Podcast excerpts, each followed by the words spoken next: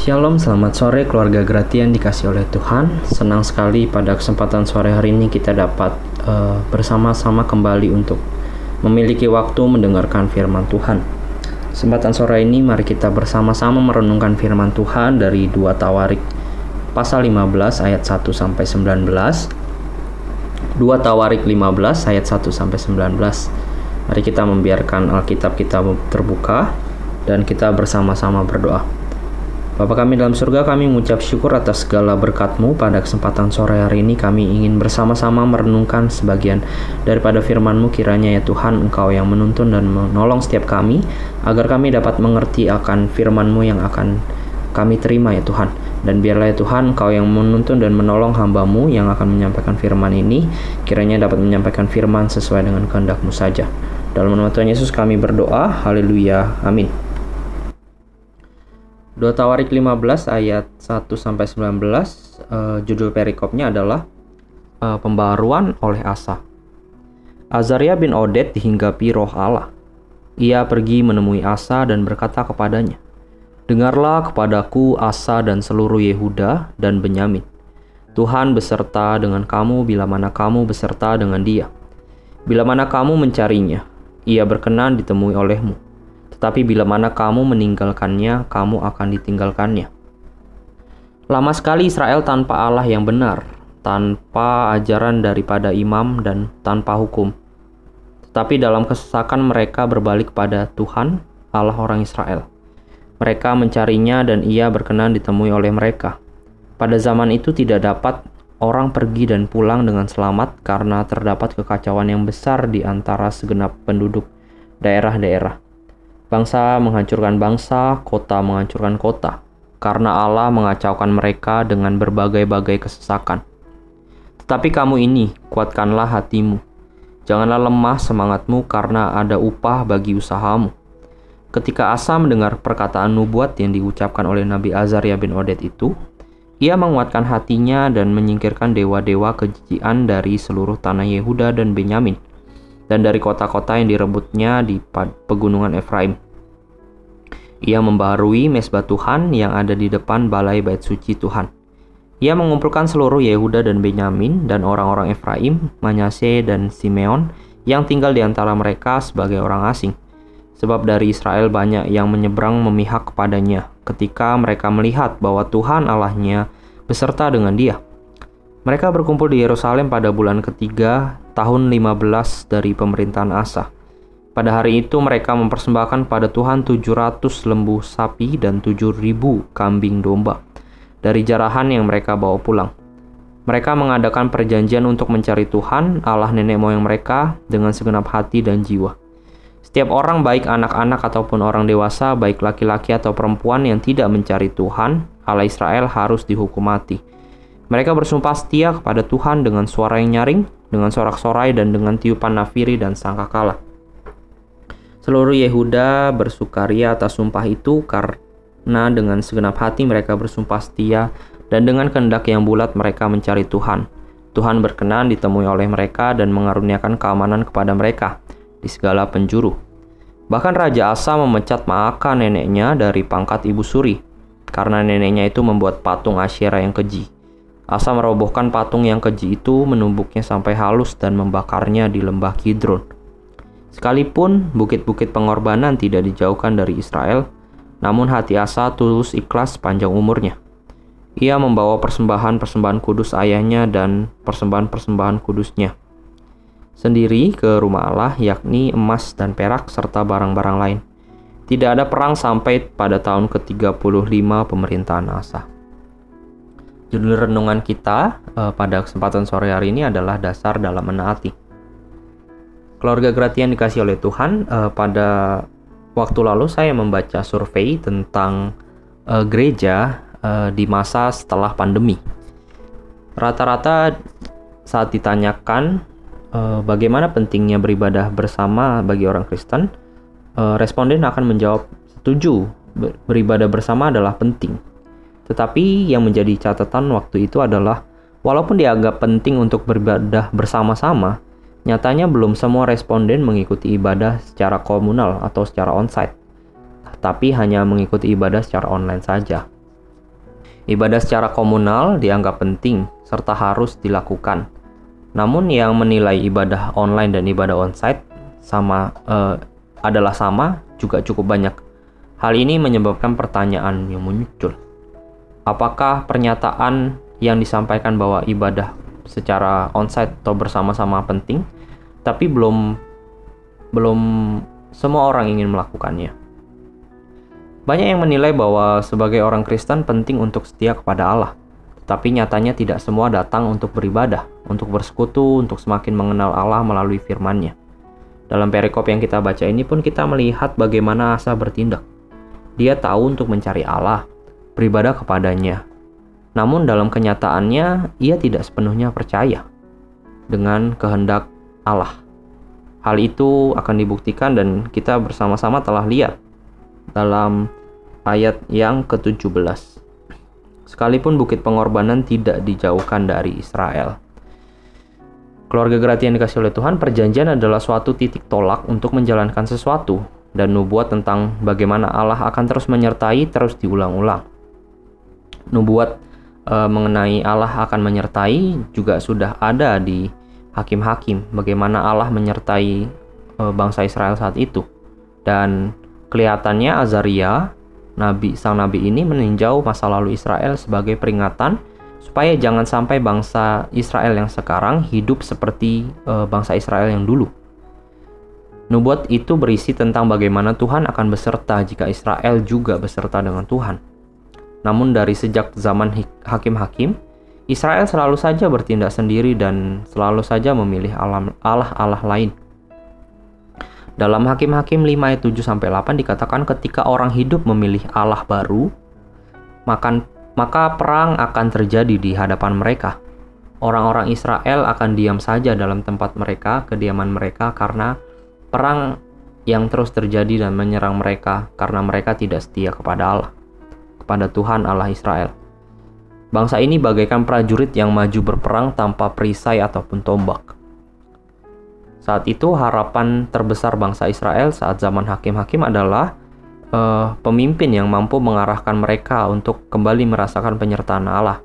Mereka tersiksa dengan kondisi Allah yang diam. Oleh sebab itu, eh, hakim-hakim saat itu yang adalah Deborah menjadi sarana Allah memimpin untuk uh, bangsa Israel menanti dan bersuka cita.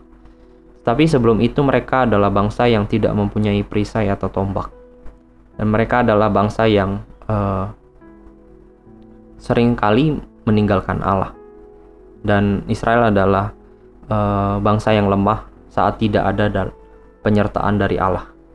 Ini menjadi nubuatan bagi Asa. Secara tersirat mengingatkan Asa mengarahkan bangsa Israel pada perjanjian dengan Allah, sehingga Allah yang memimpin bangsa itu kepada jalan yang semestinya. Oleh sebab itu, lewat inilah bangsa Israel mendapatkan kemenangan jika kita perhatikan uh, konteks Tawarik saat itu atau konteks raja-raja saat itu bangsa Israel sangat kacau dan penuh kesesakan oleh disebabkan oleh perpecahan dan ketegangan antara uh, Yehuda dan Israel. Kondisi ini melemahkan kedua bangsa ini dan khususnya adalah Yehuda yang mendapatkan uh, bagian wilayah terkecil. Apalagi zaman politik ekspansi di zaman kuno adalah hal yang sangat lumrah terjadi jadi Asa khawatir dan merasa tidak memiliki kekuatan. Nubuatan dari Azaria menjadi sebuah penghiburan bagi Asa sehingga Asa pun mengikuti dan mengajak uh, bangsanya untuk berbalik kepada Tuhan. Saat itu dipersembahkan 7.700 korban kepada Tuhan dan itu sebuah angka yang begitu fantastis kalau kita baca. Lalu mereka juga mengatakan mengadakan perjanjian untuk mencari Tuhan mereka memuji memuliakan nama Tuhan dengan suara nyaring dan dengan permainan alat musik. Ayat 12 berbicara soal mereka mau mengikuti perintah Allah. Jika dibahasakan lebih dalam, mereka ingin kembali taat pada kehendak Allah. Intinya adalah mereka mau mempersembahkan persembahan pada Tuhan, menaati firman Tuhan, kembali memuji Tuhan, dan semuanya uh, disimpulkan bahwa mereka tidak akan ragu lagi untuk mencari Tuhan dan tidak akan ada Allah lain lagi yang mereka cari. Kehendak hati mereka hanya ingin mencari Tuhan. Yang menjadi hal menarik adalah Tuhan juga berkenan ditemui oleh mereka. Berarti di sini Tuhan menerima segala persembahan, pujian, serta ikrar mereka. Hal ini dibuktikan dengan ayat yang menyatakan bahwa Allah berkenan ditemui. Ini semua adalah buah dari apa yang Asa lakukan untuk membawa kembali umat Israel kepada Tuhan. Asa sangat menguasai soal perintah dan melakukannya secara penuh. Asa melakukan hukum-hukum sesuai dengan aturan yang ada tapi hanya sampai di sana. Yang menarik adalah kalau kita perhatikan uh, di ayat 17 keluarga gratia yang dikasih oleh Tuhan, di sana dikatakan bahwa bukit pengorbanan tidak dijauhkan oleh Asa. Nah, kira-kira apa yang menyebabkan hal ini terjadi? Jika kita telah A, kalimat di ayat 17 dikatakan bahwa Asa tulus ikhlas panjang umurnya uh, tulus ikhlas di dalam bahasa bahasa aslinya bisa diartikan uh, secara penuh atau tidak bercacat. Me, secara kata, nampaknya hal ini adalah hal yang baik. Namun ada yang aneh jika kita membandingkan dengan Asa di pasal 16 ayat 12. Di dalam di sana dikatakan bahwa di dalam kesakitannya Asa tidak mencari Allah dan saat itu Asa sedang sakit. Ia tidak mencari Allah dan tidak mengandalkan Allah, tetapi malah mengandalkan tabib-tabib. Bahkan ia juga uh, memenjarakan orang yang menegurnya. Uh, salah satu tafsiran mengatakan bahwa komitmen tulus ikhlas ini adalah hanya sekedar dalam penolakan terhadap penyembahan berala dan penyembahan terhadap Allah lain, bukan dalam kelakuan serta hatinya. Hal ini juga semakin menarik jika kita uh, membandingkannya dengan Raja Yosafat. Di pasal 17 Yosafat uh, tabah hati sehingga mengikuti perintah Tuhan dan menyingkirkan bukit pengorbanan.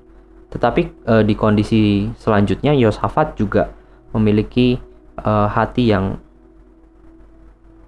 hati yang undur daripada Tuhan. Di ayat 20 ayat 3 dan pasal 20 ayat 33 dikatakan bahwa pengor bukit pengorbanan tidak disingkirkan lagi oleh Yosafat ketika ia menjadi besan dari Ahab. Ditambah ada kalimat bahwa hati bangsa Israel terarah kepada tidak terarah kepada Tuhan nenek moyang mereka.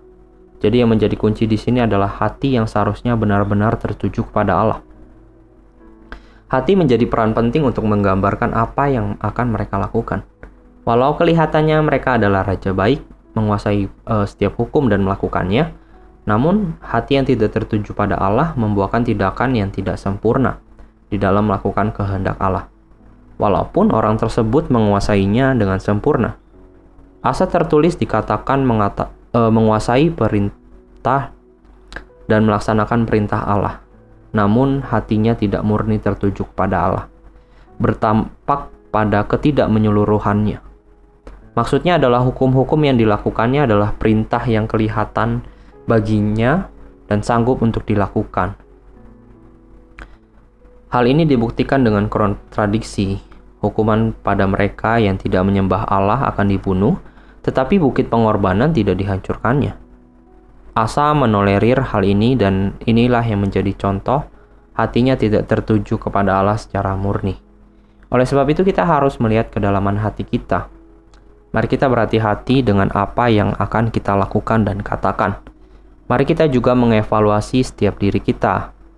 Uh, soal ibadah, mungkin banyak orang Kristen mengakui bahwa ibadah itu penting, tetapi nyatanya tidak banyak yang melakukannya dan melaksanakan ibadah dengan benar dan memiliki hat, dasar hati yang benar.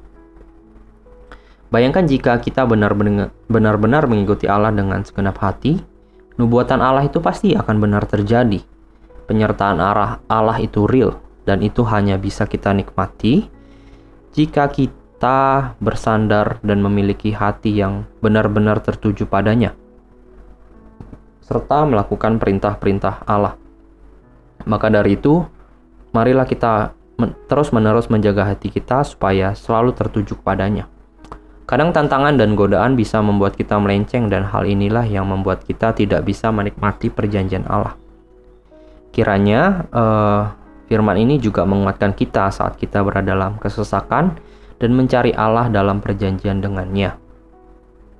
Memang sangat sulit dan mungkin banyak juga yang uh, gagal dalam melaksanakan hal tersebut. Tetapi yakin dan percayalah bahwa hidup kita saat ini lebih indah karena kita memiliki Roh Kudus yang memampukan kita untuk agar hati kita tertuju kepada Allah. Sehingga hal tersebut untuk ter benar-benar tertuju kepada Allah bukanlah hal yang mustahil. Maka dengan pertolongan Roh Kudus, mari kita uh, setia dan setiakanlah hati kita kepada Allah uh, sehingga kita bisa menikmati penyertaan Tuhan lewat setiap janji firman-Nya. Amin. Mari kita bersama-sama berdoa. Bapa kami dalam surga, kami mengucap syukur atas segala berkat-Mu. Kami sudah bersama-sama merenungkan uh, sedikit daripada firman-Mu ya Tuhan. Kiranya ya Tuhan Engkau yang menyertai kami dalam setiap langkah kami. Mungkin kami adalah manusia-manusia yang lemah dan uh, begitu terbatas. Kadang hati kami tidak bisa benar-benar sepenuhnya mencari Allah dan benar-benar tertuju kepadamu. Tetapi ya Tuhan, uh, kami sebagai orang-orang yang lemah ini meminta kasih-Mu dan pertolongan-Mu agar agar Kau menuntun dan menyertai setiap kami. Kami adalah orang-orang yang lemah dan biarlah Roh Kudus-Mu yang lebih berkuasa di dalam setiap kehidupan kami, sehingga kami dapat melakukan dan melaksanakan setiap kehendak daripada firman-Mu saja ya Tuhan. Kami mengucap syukur dan biarlah pemberitaan firman ini menjadi berkat bagi setiap kami dan kami ingin agar kami semakin bertumbuh dalam iman kami dan semakin mengasihi Engkau ya Tuhan. Inilah doa kami. Kiranya Kau juga ya Tuhan mendengarkan setiap seru dan permohonan kami dalam apa pun itu uh, setiap keadaan kami Kau yang lebih mengenal. Mungkin dari kami ada yang sedang sakit, mungkin dari kami ada yang sedang bergumul tentang kehidupan ini, keluarga, pekerjaan dan lain sebagainya. Engkau yang lebih mengenal kami ya Tuhan. Dan ajarlah kami untuk terus bersandar padamu dalam segala kondisi kesulitan kehidupan kami, sehingga kami melihat bagaimana janji penyertaan-Mu begitu nyata dalam setiap kehidupan kami nantinya. Kami ucap syukur dan berdoa, haleluya, amin. Selamat sore keluarga gratia yang dikasih oleh Tuhan, Tuhan Yesus memberkati kita. Shalom.